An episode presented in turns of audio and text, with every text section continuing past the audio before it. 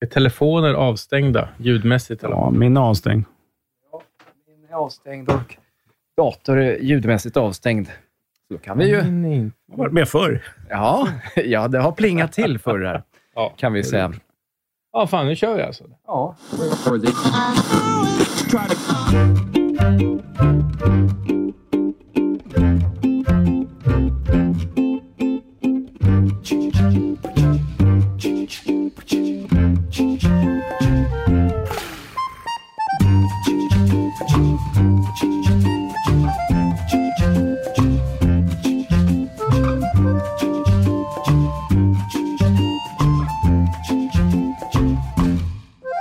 Hej, hallå och välkommen till ett avsnitt Fresh off the boat av Frekvens. Jag som pratar just nu heter Daniel Olofsson och på en annan sida av dekagonbordet sitter mannen med den eviga skinnpajen Erik Bäckman. Hur är läget?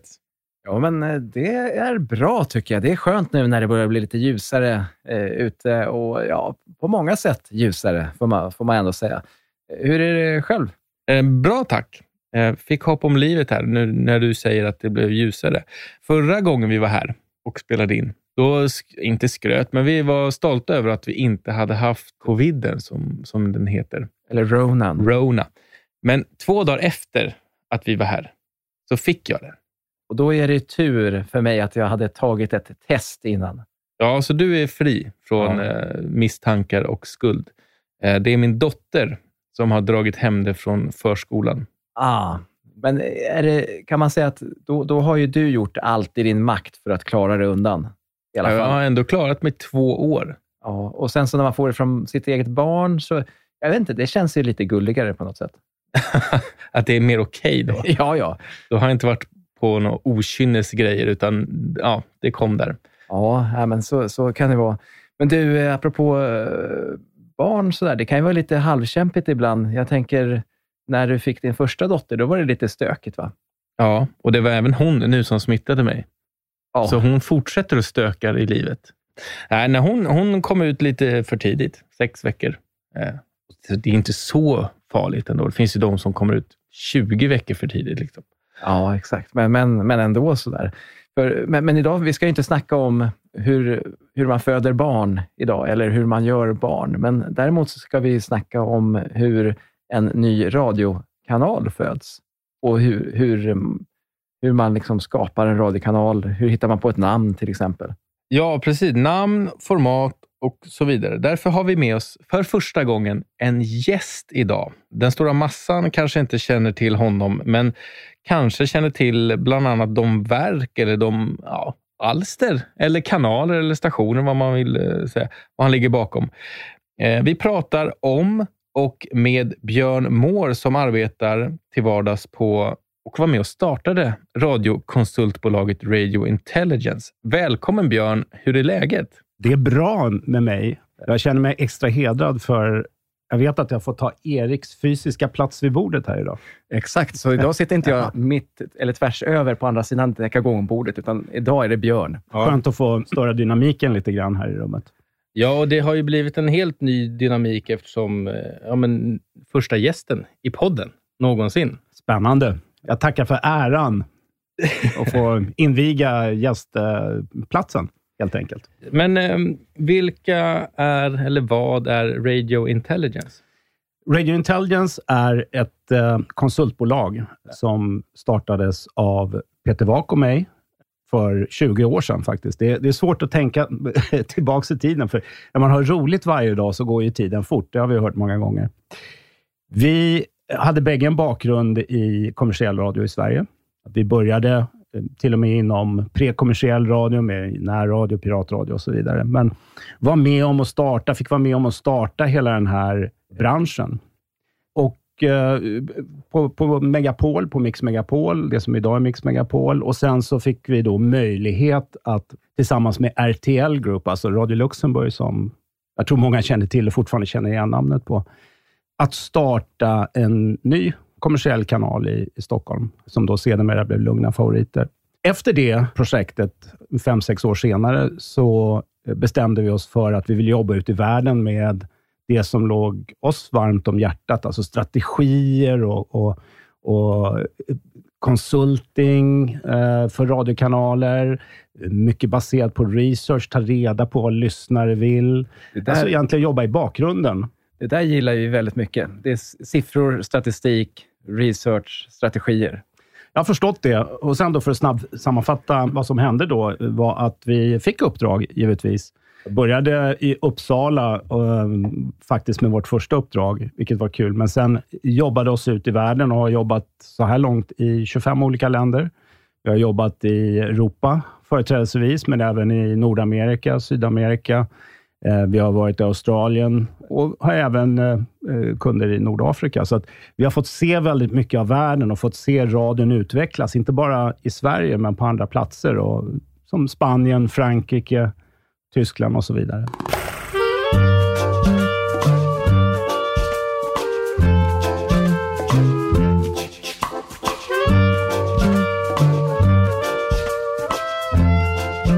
Då när du är ute i, i världen så ser du ju såklart alla stationer, mer eller mindre kanaler och marknader. Hur bra är den svenska marknaden? Den svenska marknaden är väldigt bra och extremt snabbstartad, ska jag säga. Därför att Sverige är ett av de länder, eller det land som tillsammans med Albanien fick kommersiell radio sist av alla länder.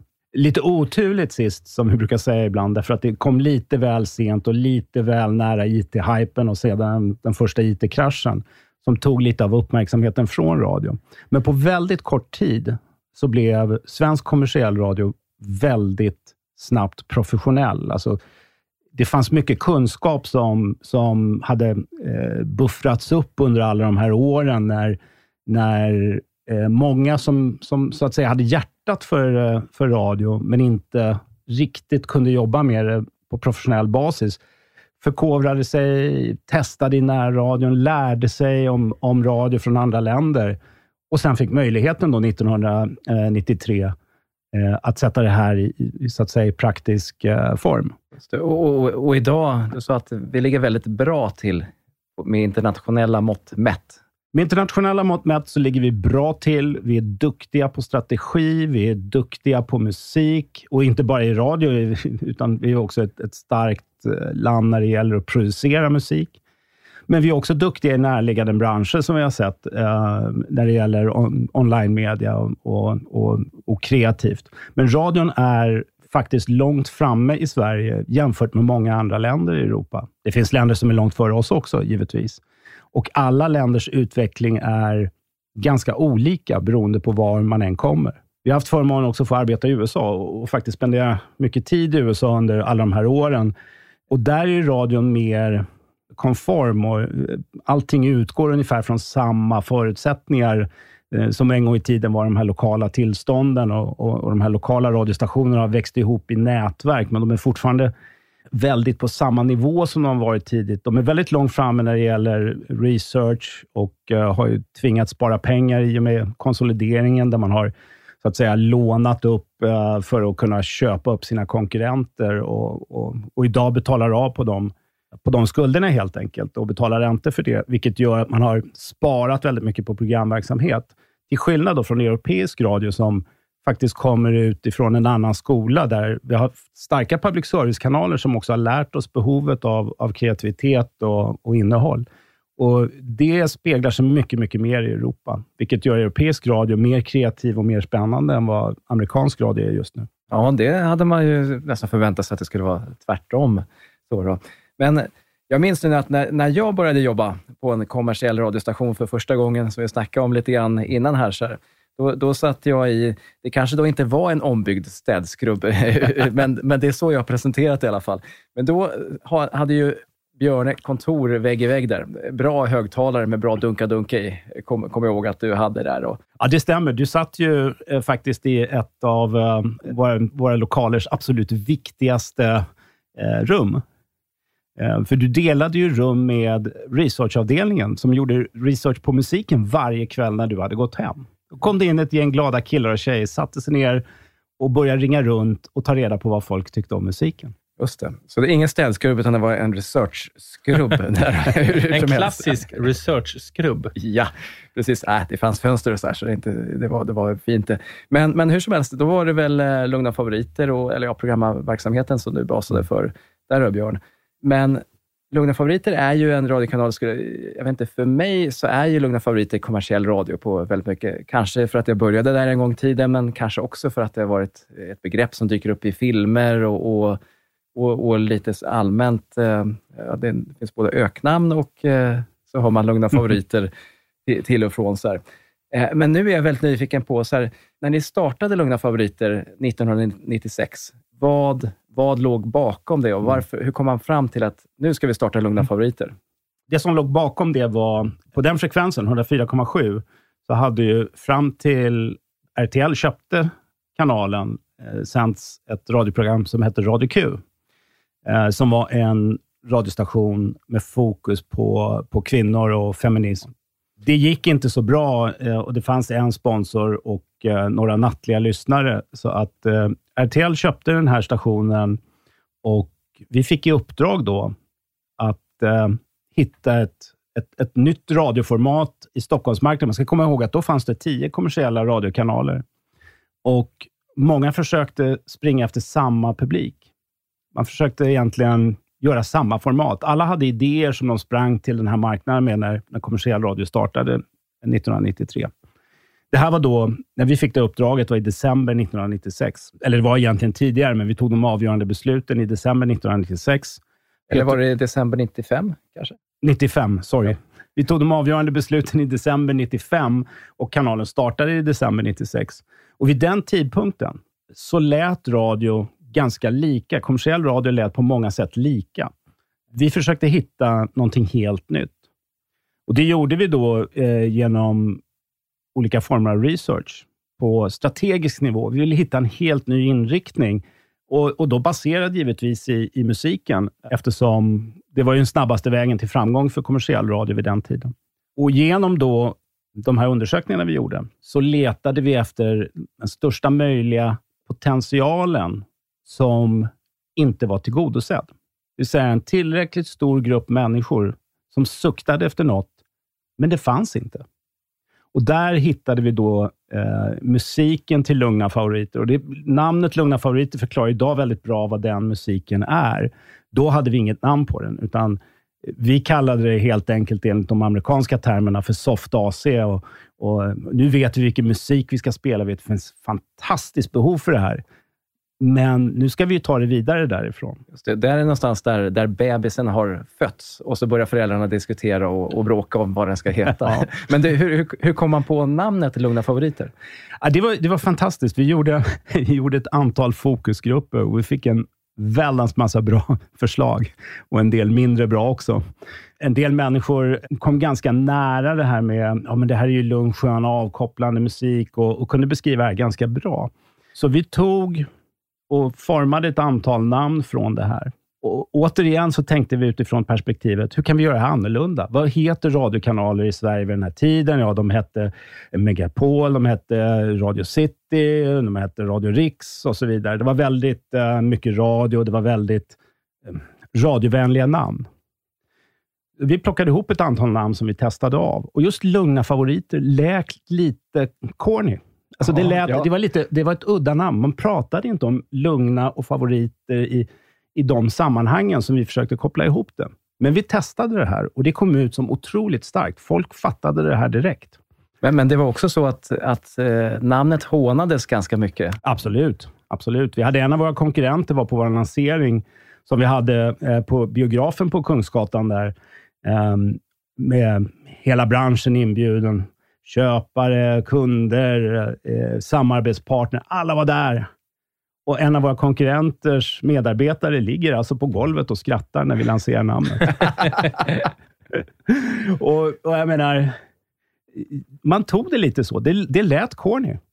Vad är det här för någonting? Det låter corny. Alla trodde att vi skulle starta en häftig CHR-kanal med högt tempo, mycket musik, de senaste hitsen och smällande jinglar och rappande programledare.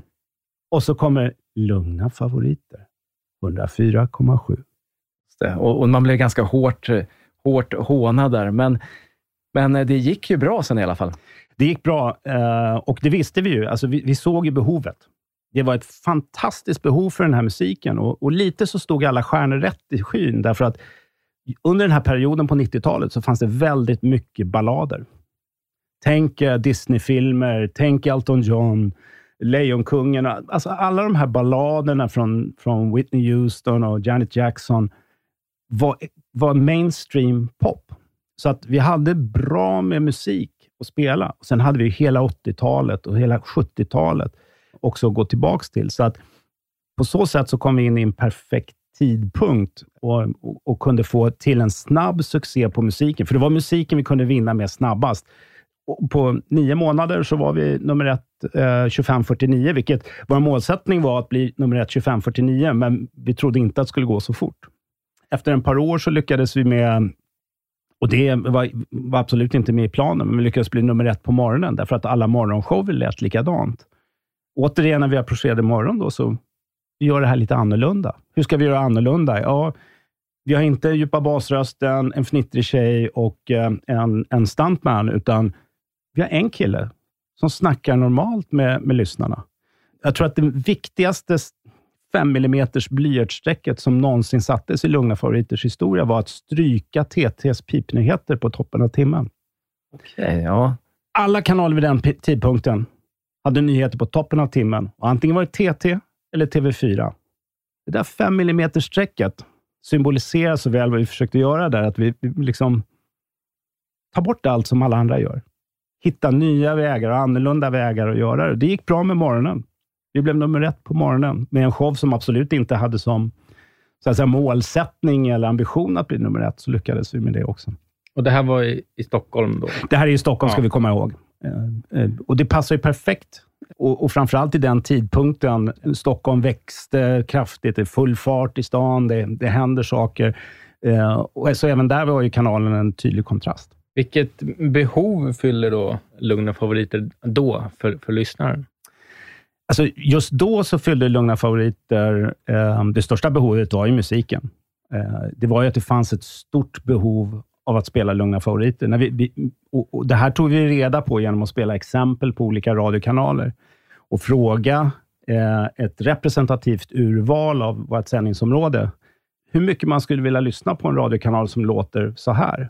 Och så spelade vi ett antal olika exempel. Och, och våra exempel sträckte sig från eh, det som blev Lugna favoriter via eh, Dansbandskanalen och alla möjliga olika roliga, men också eh, stora publika musikradioformat. Då. Men just här så såg vi potentialen att här finns någonting som vi verkligen älskar, men som inte finns på, på, på FM-skalan. Vilket var det som, eh, eller var kom lyssnarna ifrån? Då? Vilka stationer kom de ifrån? Eh, de kom ju givetvis, i första hand så kom de från, från Megapol, vilket, uh, vilket givetvis Bonnier uh, surt fick, fick uppleva. Och Många kom därifrån därför att vad vi gjorde var att vi gav oss in det här var en flankerande attack, om vi ska snacka strategiska, ja, olika typer av ja. strategiska spel som vi spelar. Vi var en liten kanal i Stockholm. Vi insåg att vi kommer inte gå och göra en, head-to-head um, offensiv attack på en marknadsledare, utan vi försöker då hitta en, en, en, en, flank där vi kan göra det riktigt bra och på så sätt locka till oss lyssnare. De flesta kom från Mix, men de kom också från väldigt många andra håll. Och det är många som tänker, ja, ja, men det är väl bara, det är väl bara äldre kvinnor som lyssnar på det här. Nej, vi är faktiskt också många gånger nummer ett i, i 15 till 19 med det här formatet. För det attraherar eh, mammor och deras barn. Alla kan komma överens om det. Men en tydlig målgrupp var ju också att försöka nå de som lyssnar på jobbet med ett format som var perfekt att ha i, offentliga, i offentliga miljöer. Eh, mottagningar, eh, på arbetsplatser, på kontor, där man jobbar tillsammans med andra. Och Anledningen till det är ju att slår du på radion klockan nio på morgonen, så är, är du förmodligen med under åtta timmar sen. Och, och, den som kontrollerar radion är ju den som äger arbetsplatsen, så att säga. Det är, det är den personen som styr för alla andra också. Så att en, en viktig strategi var ju att nå arbetsplatserna. Men det var ändå mycket, många kvinnor som, som var den största målgruppen? Liksom. Absolut. Absolut. Det var ju de vi tittade på. Och, eh, tjejerna ledde musiken, så att säga. Vi frågade tjejerna i första hand och tittade givetvis på vad killarna tyckte, men, men resonemanget var att om vi vinner tjejerna så kommer killarna följa med. Och det blev så? Så blev det.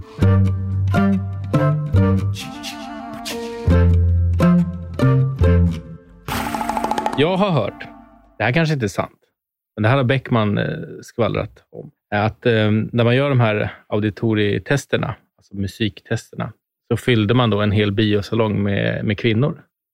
Det stämmer. det stämmer. Ehm, de här musiktesterna görs ju på modernare sätt idag. De görs ju mer och mer online, men då så bjöd vi in 100-150 personer, och i Lungas fall så kvinnor, eh, till eh, ett auditorium, ett tillräckligt stort auditorium, där vi spelade musik under en kväll och eh, fick dem att betygsätta vad de tyckte om låtarna helt enkelt. Det var så man träffade tjejer innan Tinder fanns då? Hundra stycken? Ja, ungefär så. Hundra stycken på en gång. Ja, just det. Ja, Speed men, dating. Björn, du har ju berättat mycket om researchen så här, mm. innan, innan releasen av Lugna favoriter. Eh, och man kan säga att det här är riktig hardcore-analys som, mm. som vi gillar. Eh, och då skulle man kunna säga att Lugna favoriter är mjuk på utsidan, men hård på insidan. Ja, det tycker jag. Det är en, det är en, eh, jag skulle säga att Lugna favoriter är mjuk på utsidan och eh, precis på insidan kanske. Eh, hårda, det är hårda fakta, det är det ju. Och, eh, och, och, eh, det fanns väldigt tydliga planer för hur vi skulle gå tillväga. Eh, inte bara när det gällde så att säga, förarbetet, att göra researchen, men också sen hur vi skapade strategiska planer utifrån det här och hur vi implementerade resultaten. Vi gjorde ju så att säga även mycket av det taktiska arbetet på vårt eget sätt. Till exempel så, så hade vi väldigt få live-programledare. Eh, vi hade en inspelningsteknik som vi var först med på den tiden där vi kunde förinspela mycket av våra program, vilket gjorde att när de andra kanalerna var jukebox på kvällar och nätter, då hade vi programledare. Så att vi hade programledare 24-7 och det, det gav ju vissa effekter. Vi kunde, det fanns ju tider när vi hade 50% marknadsandel på nätterna. Vi var större än SR på kvällar och nätter, just därför att vi hade närvaro. Och Sen har ju nu på senare år har givetvis SR kommit ikapp där med, med sina nattsändningar och så, men, men på den tiden så var radio ganska tråkig på kvällar och nätter. Så där var det musik och romantik, kommer man ihåg. Med. Musik och romantik var en fantastisk succé. Den satt ju som en smäck i, i hela Lugna Favoriters image och, och, och programtablå. Så det är klart, ja. Uh, och det programmet lever ju än idag. Hur tror du att Lugna hade funkat som nätverk i hela Sverige? Jag tror att det funkar bra. Det man ska komma ihåg med Lugna är också att det är en radiokanal som tjänar ett, ett, ett, syfte i större utsträckning, som vi pratar om på jobbet, bakgrundslyssnande, alltså när man kanske måste ha fokus någon annanstans, på telefon eller eh, Eh, med medarbetare och så. Eh, och Från det perspektivet så, så är det universellt. Det skulle kunna fungera eh, var som helst. Men som ett sådant format så behöver det också marknadsföras. Och det, det gjorde vi ju på den tiden och, och det behöver man göra idag också eh, och, och för, för, att nå ut. Och, och, alla vet ju hur mycket, hur mycket energi radio lägger ner på det. Och Det tror jag också behövs i, i, från nationellt. Men sen så finns det ju då en, en dynamik i det här med, med storstadsområden, att det händer väldigt mycket och, och folk är, är stressade och pressade, vilket jag tror att alla egentligen är nu, oavsett om man bor i storstad eller småstad. Men, men den dynamiken är ju spännande för ett format som, som uh, Lugna. Hur, eh, ser det ut nu då? Nu är de nylanserade sedan en dryg månad tillbaka. Är det mm. årsskiftet? Ja, precis. Ja. Vad skiljer Lugna nu, 2022, mot 96? Alltså det som skiljer Lugna 2022 mot 96 är att det har ju hänt saker i musiken. Och Det är den största skillnaden. Sen är det en del familjära röster tillbaka på kanalen, och, vilket är kul. Så att, eh, jag tror att det finns, för den som lyssnade på Lugna tidigare, så finns det mycket att känna igen i Lugna. Själva musikpolicyn är ju densamma, men musiken är ju anpassad till 2022. Då. Så att det finns givetvis en del nyare låtar där i och det finns en del låtar som har glömts bort under vägen. och framförallt de allra äldsta låtarna som fanns med i början på Lugna Favoriters karriär är, är också borta. Det finns ju idag inget egentligen eh, 60-tal eller 70-talet är eh, väldigt lite där i. Men, men eh, musikpolicyn är ju densamma utifrån att vad vi ska uppnå med musiken. Och, ja, men som du sa, att när man lanserade Lugna Favoriter i 96, då, då var ju kanalen annorlunda på, på många sätt. Det skilde sig från övriga kommersiella stationer. Eh, hur ser det ut idag? Är Lugna Favoriter fortfarande annorlunda mot, mot resten? Ja, det ska jag säga. Eh, framförallt så är det, ju, eh, är det ju tonfallet i musiken är ju annorlunda. Det är det som är den tydliga differentiatorn mot de andra kanalerna.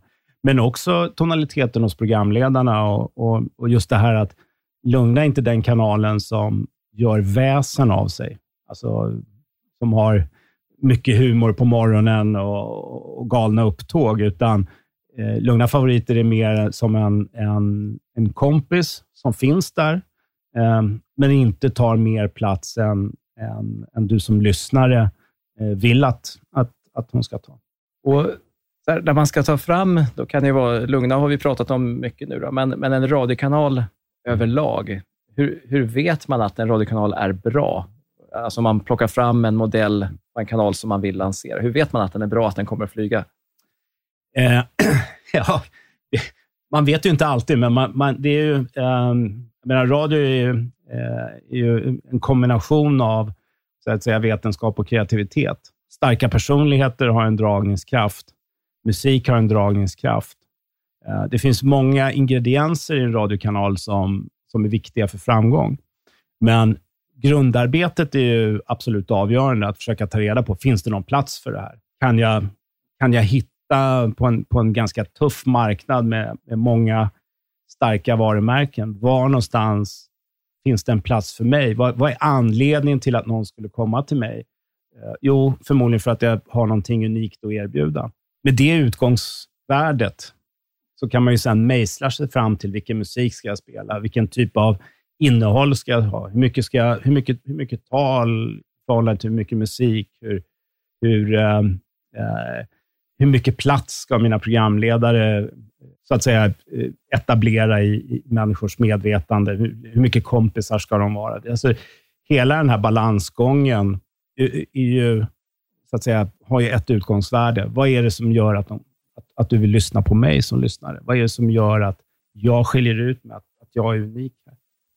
Vad finns det för um, hål nu på marknaden? Då? Alltså vilken, vad för typ av kanal skulle du starta idag? det får vi inte berätta. Nej, jag tror, om, äh, det, det, skulle jag nog inte bli så populär om jag berättade. Nej, men det finns ett men, hål. Det finns alltid hål på marknaden. Uh, sen är ju frågan om hur värderar du de hålen? Och Det måste man göra utifrån så att säga, sin egen målsättning hur passar det här in i mitt kluster av, av radiokanaler eller av varumärken? Eh, hur stort är det? Kan det bära sig självt eller vad tjänar det för syfte? Eh, är den här kanalen ett komplement? Alltså, så frågan kan man svara på på väldigt många sätt. Det finns alltid hål i marknaden, eh, men det viktiga är hur stort är hålet? Och var någonstans hamnar jag? Liksom, vilka är mina grannar? Så att säga? Vilka radiokanaler är jag kommer konkurrera med? Ja, för vi har pratat lite om det eh, förut också, Erik, lite löst så här att när det startas en ny kanal så äter man väl oftast av varandra. Liksom. Det är väl inte supervanligt att det kommer in en halv miljon nya lyssnare helt plötsligt. Alltså det är ju så om, om, om nu ehm, 70-80 procent av befolkningen lyssnar på radio, så kan man nog räkna med att många lyssnar för att det är tillräckligt bra. Så att säga, de kanske inte riktigt har hittat hem hela vägen. Eh, visst kan du alltid attrahera några extra procent här och där. Det, det tror jag säkert. Alltså tillsammans med, med, tillräckligt många riktigt bra radiokanaler, om man tittar på hela utbudet. eh, alla, inklusive kommersiell och public service. Om vi alla gör så att säga, en optima, ett optimalt utbudspaket så kan vi öka räckvidden, givetvis. Men jag tror att vi, når, vi, vi ligger ganska mycket i taket och då blir det givetvis som du säger. Då gäller det att och hitta någon flank eller någon, någon grupp människor någonstans som är inte helt tillfredsställda, som du kan göra någonting ännu bättre för. Så att de här riktigt stora öppna hålen som vi hittade faktiskt med, med lugna favoriter, de är mer sällsynta idag. Men visst, det finns hål. Om vi ska prata lite tävlingar och andra radiojippon, som vissa vill kalla det. Nej, det är inte så många som vill kalla det. Nej, men eh, tävlingar. För det första, hur mäter man en tävling? Ja, det finns ju många sätt att mäta på. Eh, man kan ju mäta en, en, tävling på hur många som ringer på telefonen, hur många som eh, kontaktar eh, en eventuell sponsor, hur många som skruvar på eller skruvar av radion för tävlingen. Men jag tror att det viktigaste med tävlingar, det är faktiskt att lyssnaren tänker inte tävling, utan lyssnaren tänker underhållning. Är det här någonting som ger mig någonting? Varför ska jag lyssna på det här? Och Om det är underhållande och kul, så är det en bra tävling. Alltså I alla fall utifrån ett, ett, ett programperspektiv. Tävlingar i radio behöver också de behöver, de behöver vara enkla att förstå. Alla måste kunna vara med. Och Det är faktiskt så att det de som tävlar är en del av radioteatern. Men tävlingen är primärt till för alla andra som inte är med. Va? Alltså alla andra som sitter vid radion och lyssnar. Det är därför jag säger att tävlingar är radiounderhållning för radiolyssnare. Så att det gäller att radiolyssnaren är underhållen. Och sen så kommer då de här, kanske lite tråkigare, liksom, när vi pratar me liksom, mekanik eller pratar eh, struktur. Hur bygger vi upp tävlingar? Då finns det ju, finns det ju en gammal sanning som gäller, som gäller reklam, som gäller allting som har med, med radio och mycket media att göra. Repetition is your friend. Det tar tid innan någonting sätter sig i lyssnarens medvetande. Det tar tid att etablera en ny tävling, en programpunkt. När vi spelar ny musik så måste vi spela en låt kanske 50 gånger innan folk gillar den. Varför? Därför att du måste ta dig till det, det måste bli familjärt, du måste förstå konceptet och du måste tycka att det är underhållande. Först då så har tävlingen ett värde. Så att ja, om det är något budskap som, som jag skulle vilja sända är att de här snabba eh, den här idén om att ah, men det är radio, vi kan hitta på någonting snabbt, det kan vi fixa på en eftermiddag så är det ute på fredag. Det är inte riktigt så enkelt. Det kanske är ute i eten på fredag, men om det inte är underhållande så är det någonting som kommer i vägen från det andra som jag vill höra på kanalen. Så att någonstans hitta de här koncepten som fungerar. Och om, om jag vore sponsor av, av programinslag generellt sett, inte bara tävlingar, då skulle jag titta efter de inslag som är etablerade, fungerar och som har en relation med lyssnaren och ta mig in där. Jag tror det absolut bästa exemplet på det är menar, Super Bowl uh, halftime show som vi har sett i veckan. Det är väl världens mest etablerade koncept. Men okej, okay, så att om en programledare säger så här, den här tävlingen var jättebra, det ringer som tusan, då behöver inte det nödvändigtvis betyda att den är jättebra. Alltså, eh, att det ringer är ju kul um, och det stärker ju oftast Eh, jag menar, vårt ego, känslan av det här är bra nu, folk hör av sig. Men man ska komma ihåg att, att radiolyssnare är uppdelade i olika kategorier. Du har en bred räckvidd och sen så har du en mindre skara lyssnare som faktiskt står för en större del av lyssnartid. Pareto-principen. I radio kanske 40% av, 30-40 procent av dina lyssnare faktiskt står för 70 procent av din, din marknadsandel. Och Det finns ytterligare en grupp och det är de här hyperaktiva. Online pratar man om, om, nio, eh, om, om eh, 99 enprocentsregeln istället för 70-30 och så vidare. Va? Och Det är den här enprocenten då eh, som, som, som är med och vill skapa innehållet. Alltså som är aktiva lyssnare som kommer till radion därför att de är intresserade av radio eller de är intresserade av tävlingen i sig. Eh, men de är inte lojala. Det är de här lyssnarna som när konkurrenten har en tävling nästa vecka så är de där och ringer det är en mätning på att tävlingen är kul för de som gillar att vara med, eller att på annat sätt att man är aktivt intresserad av det som radiokanalen producerar. Men det är inte en mätare på hur, de här, hur den här räckvidden som lyssnar på kanalen, eller de här 30 procenten som ska ge dig 70 procent av marknadsandelen, faktiskt lyssnar längre på grund av tävlingen. Det är det inte, utan det måste man mäta på andra sätt. Så då är det mer vett eller om man säger så, att ha en, en tävling som lys, den vanliga lyssnaren känner att ja, men det här är fine. Underhållning. Är, det, mm. är tävlingen underhållande? Man tycker det är kul att lyssna på den. Och vi, det här gör vi överallt i Europa. Vi mäter framförallt på morgonen i morgonshowerna, programinnehållet, och följer programinnehållet. Det är precis som en låt. Allt innehåll har en, en livscykel. Du startar någonstans, ingen känner till den och då är det lite mer, men vad är det här för någonting? Ah, onödigt prat. Ge mig en låt istället. Men så bygger man kännedomen för det här innehållet, man kommer närmare lyssnaren, de förstår det här eh, och helt plötsligt blir det underhållande. Då ökar passionen liksom i, i den responsen vi får. Och Det är fantastiskt spännande att följa det här. De som är riktigt duktiga på att bygga innehåll, de, de, de ser det här framför sig och har nästa inslag redo innan det som just nu är deras nyckelinslag börjar så att säga, tappa fart. Så de bygger hela tiden inslag som är i olika delar av, av livscykeln. Vad har du för eh, favorittävling själv då? Alltså det, det, finns så många bra tävlingar, det beror på hur man ser på det, men, men en tävling, alltså de här tävlingarna som alltid, som är väldigt bra taktiska tävlingar för radio, för att, för att, så att säga dra in nya lyssnare och få folk att testa stationen, som när eh, vi dubblar din lön, eller alltså den typen av tävlingar där, där, där du spelar med fantasin och, och, och liksom löser problem som, är, som vanliga människan är oöverstigliga. Eh, de är ju jättebra utifrån eh, från ett, ett, så att säga, dels ett underhållningsvärde, för du bygger en och egentligen så bygger du tävlingen inte bara i själva tävlingen, utan det är framförallt promos och, och promotion du gör för tävlingen som så att säga, bygger hela auran och konceptet runt eh, men de gör ju två saker också. De hjälper ju också till att få in nya lyssnare som, som testar stationen. Så att jag, jag, gillar de taktiska tävlingarna, men man måste slå på ganska stort. Man måste, det är en ganska ordentlig trumma för att de där ska gå igenom. Men de är ofta spännande och eh, eh de finns i olika former. Men det, det handlar om att skapa de här, eh, de här eh, så att säga oförglömliga, de här lite larger than life, life-upplevelserna för, för lyssnaren. Lite, lite på ett snudd till galet. I Sverige så, alltså, vi som har jobbat med kommersiell radio och jobbar med kommersiell radio, vi tar ganska mycket för givet att det är reklamradio som vi jobbar med.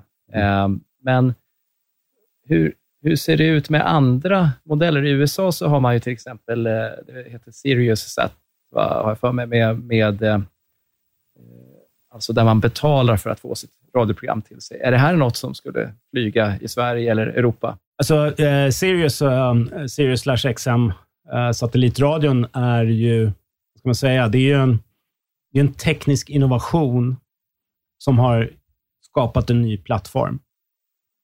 Eh, och eh, Det är mycket möjligt att det skulle göra. Det är precis som när vi tittar på, på, på andra kanalutbud online. Det är lite samma sak. Sen har ju Sirius XM varit väldigt eh, duktiga på att få in mottagare i bilarna eh, för de här satellitradioapparaterna. Och billyssnandet är ju, är ju viktigt. Framförallt i USA som är en, en nation byggd för att använda bilen. Ja, eh, det, det, där, det, det finns en, en så att säga, det finns en regel som säger eh, att man ska använda en, en teknisk möjlighet för att liksom vinna över sina konkurrenter. Och Det har man gjort här. Man har använt en teknisk möjlighet uh, för att uh, konkurrera med, med terrestriell radio. Det gäller att vara innovativ helt enkelt. Framöver då? Framtid? Vad är den stora eller största utmaningen för radion, kommersiella radion framöver? Den, den största utmaningen för radio är väl eh, kanske eh, att vi är utsatta för mer konkurrens. Så är det ju. Eh, men jag tror att här, ryktet om, om radions tidiga dödlighet är betydligt överdrivet, om man säger så. Um, radio är stark, även om vi är utsatt för tuff konkurrens från olika ljudtjänster online. Vi mäter de här på massa olika marknader. Och Den goda nyheten är ju att de här ljudtjänsterna tar ju inte bara tid från oss, utan de ökar ju lyssnartimmarna hos publiken. Så att det finns fler lyssnartimmar att jobba på och försöka komma åt. Vi har starka varumärken i radio och vi har, har långa relationer med våra lyssnare. Så att det finns såklart nya möjligheter. Sen är vi kanske eh, som, som radiobransch trygga i våran, och ibland lite för trygga i våra vanliga hedliga affärsmodeller som vi alltid har haft. Men så att säga, må, alltså det är många som jobbar hårt varje dag för att försöka förstå eh, de här nya möjligheterna och hur vi ska, hur vi ska använda dem. Och, och podcasting är ju en del som exploderar kraftigt de senaste åren. Och det är även i, i andra marknader. Det finns marknader där, där faktiskt ljudböckerna leder över podcast, men, men jag menar, i våran, här i Sverige och i USA och i många andra länder så, så växer ju podcastingen snabbt. Och däribland frekvens. Ja! Såklart. Sen, sen, mäter man ju radio på olika sätt. Går det att säga vilket mätsystem skulle du lita mest på? Jag vet, vi snackade om tidigare i Frankrike, så är man väldigt kritiska mot panelmätningar och sådär. Alltså, jag tror att det är, det är lite samma sak som är man är väldigt trygg i sin affärsmodell, man är också väldigt trygg i sin mätmodell och så fort det blir en förändring så, så blir det lite läskigt. Eh, så är det ju. PPM har ju kommit på många marknader. Norge, där vi har haft förmånen att jobba väldigt mycket, var ju först ut att använda PPM som, som kommersiell valuta och det har varit väldigt bra för branschen. Det har varit tydligt för köparna, men det har också varit ekonomiskt fördelaktigt för, för radion på många sätt. Sen så eh, är det många som fortfarande är kvar i dagboksmätningar, day after recall och så vidare. Och Det är förändringar här.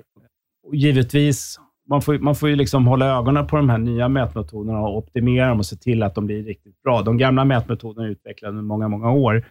Eh, och Det finns nog mycket att önska också av de nya mätmetoderna och lära sig av dem. Man kan ju till exempel dra lärdomar av USA som har ett ganska brett spektra av olika, olika etniska grupper som lyssnar på radio. Och där man faktiskt också mäter etniska grupper till skillnad mot... Här gör vi ju inte det på samma sätt. Men där ser man ju tydligt hur, man gick över från dagbok till PPM, hur de svartas radiostationer minskade drastiskt. Och Anledningen till det var ganska enkel så här efteråt. Det är klart det fanns många anledningar givetvis, men om man, om man liksom försöker bara konkretisera dem och samla ihop dem i en packe, är att många radiokanaler överrapporterades, eller många svarta radiokanaler överrapporterades i det systemet. Och sen började man mäta tid, hur man lyssnade. Och då blev det ett helt annat resultat. Ett annat, ett, ett annat resultat av det var ju att radiokanaler med äldre lyssnare faktiskt hade mer lyssnartid än radiokanaler med yngre lyssnare, vilket också är logiskt. Eh, så att det, det blir ju skillnader och de får man ju förhålla sig till, givetvis. Men den här överrapporteringen var då att eh, jag säger att jag lyssnar två timmar, men sen när vi mäter det så var det bara en och en halv. Eh, ja, precis. Exakt. Vad. Dagbokssystemet fungerade som så att man hade två veckors mätperioder. Och den andra torsdagen in i den mätperioden skulle man skriva ihop sin, eller skulle man skicka in sin rapport. Man skulle ju skriva varje dag var det tänkt, men det var ju ingen som gjorde, utan det finns en anledning till alla promotions gick precis eh, 7-10 på, på torsdagen. Man lottade ut 100 000 dollar. Det var för att då satt alla med andan i halsgropen och, och fyllde i den här eh, rapporten, då, eller fyllde i sin, sin dagbok. Men vissa grupper i samhället är mer motiverade att överrapportera av lojalitet. Och, och Det här var ett sådant problem då för, för de eh, radiostationer som riktar sig mot svarta lyssnare i, USA. Att, att, helt plötsligt så åkte de ner, vilket givetvis blir direkt ett ekonomiskt avbräck. Andra grupper som är villiga att eh, överrapportera eh, kan ju till exempel vara eh, små intressegrupper. Det behöver inte vara etniska grupper, men det kan vara små intressegrupper av någonting. Om det, är musik eller vad som helst. Det finns alltid den, den risken för, för bias och det måste man förstå också när man tittar på mätsystem. Om du skulle få kolla lite grann i spåkulan så här för, för framtiden, vilka format tror du att kommer bli riktigt bra och starka framledes? Jag tror fortfarande de här stora mainstream-formaten som, som vi ser, alltså som, som, som Rix FM i, i Hot AC, Mix Megapol i, i AC, det vill säga Adult Contemporary. Jag tror att de fortfarande kommer vara avgörande just för att de är så breda. Men eh, vi har ju sett hur det har varit en uppsving för radiokanaler som lirar äldre musik, oldies, classic hits, som vi kallar det. Vi tycker oldies kanske låter lite gammalt ibland. Det har varit ett uppsving, inte bara här, utan på andra platser också. Framförallt i konkurrensen med online-media då, som slår hårdare i, i de yngre lyssnargrupperna. Då blir de radiokanalerna i äldre målgrupper givetvis viktigare. Då. tänkte på tävlingarna i olika länder. Det kanske inte är så intressant för våra lyssnare, men det är intressant att veta mm. de olika länderna funkar. Alltså, Finns det några tävlingar som funkar superbra i Sverige och som inte alls funkar i Portugal, Spanien, Frankrike? Det är inte egentligen koncepten, utan det är genomförandet. Det är hur de genomförs. Och, um, menar, vi har, och Man måste också förstå varje lands specifika situation. Vi har ett case i, i Spanien till exempel, där, där utmaningen där är att du får inte poäng för vilken kanal du lyssnar på. Eller det, det kan du få, men det har en lägre prioritet. Den högsta prioriteten i deras lyssnarmätningar är programledaren och programmet och sen kanalen. Så att om man inte vet vilken programledare eller program man lyssnar på kan man få poäng för kanalen. Men det gör ju att den här programledaren har prioritet. Vad man gör där är då att då förlänger man morgonprogrammen. Även om han bara spelar musik, så morgonprogrammen går till 10, 11, 12. Menar, de, de går längre sändningstid, därför att de populära morgonprogrammen är de som har liksom peak ratings också. Då vill man dra ut på det här. Då har man konstruerat eh, tävlingar då som ligger över det här, så att när du, när du går ur bilen så ska du liksom hänga med, sätta på radion när du kommer in på jobbet, så att, så att du inte missar chansen att vinna på the birthday game. Jag menar, om, du har, om ditt namn eh, ropas ut idag, eller alltså, alla de här tävlingarna, de har alla lite liksom, ganska enkla koncept hur de genomförs. Men det är hur du, så att säga, det, det, det är presentationen av dem och i vilken situation eh, som avgör om de är, är, starka eller inte. Det finns, det finns en, ganska många bra koncept där ute som är, som, kan, som är applicerbara i de flesta situationer, men om de genomförs på ett dåligt sätt så, så eh, kommer de i alla fall inte fungera. Så det är inte så mycket på... Det gäller att ha ett bra koncept givetvis. Hitta ett, ett, ett koncept som man, som man kan genomföra och som, som liksom är logiskt för lyssnaren och är logiskt i programtablån. Och sen bara göra det så underhållande som möjligt. Du pratade förut om att det tar tid att sätta en tävling eller programpunkt eller vad, vad det kan vara. Hur lång tid vågar man dra ut på det innan man bara, nej men det här funkar inte? Alltså, um, det beror på hur ofta du gör research. Du testar ju oftast, vi testar för många kunder redan piloter innan de går i luften. Och redan där gör vi ett första urval och säger, okej, okay, det här verkar kul. Det här verkar de fatta, den kör vi. Sen sätter vi den on air, börjar köra den, kanske går i sex timmar på morgonen eller något sånt där, så att den får lite exponering, men inte till, till sju timmar ännu. Så mäter man av den och följer upp den en, två gånger per år kanske. Det tar ett par, tre år vet innan någonting är verkligen på topp. Så att, och Det är därför det är så viktigt när man, när man väljer vad man ska menar, om man ska göra samarbeten, att man väljer inslag som faktiskt är etablerade, för det tar tid. Man sätter ingenting på ett par veckor. Menar, om man har en kampanj på ett par veckor eller om man har en kampanj på ett kvartal, ett halvår, så kanske inte det räcker, utan då är det bättre att komma in där det är etablerat och liksom kontakten redan finns med lyssnaren. Så det är en smart genväg för annonsörer att hoppa på ett tåg som redan är i rullning och starkt. Liksom.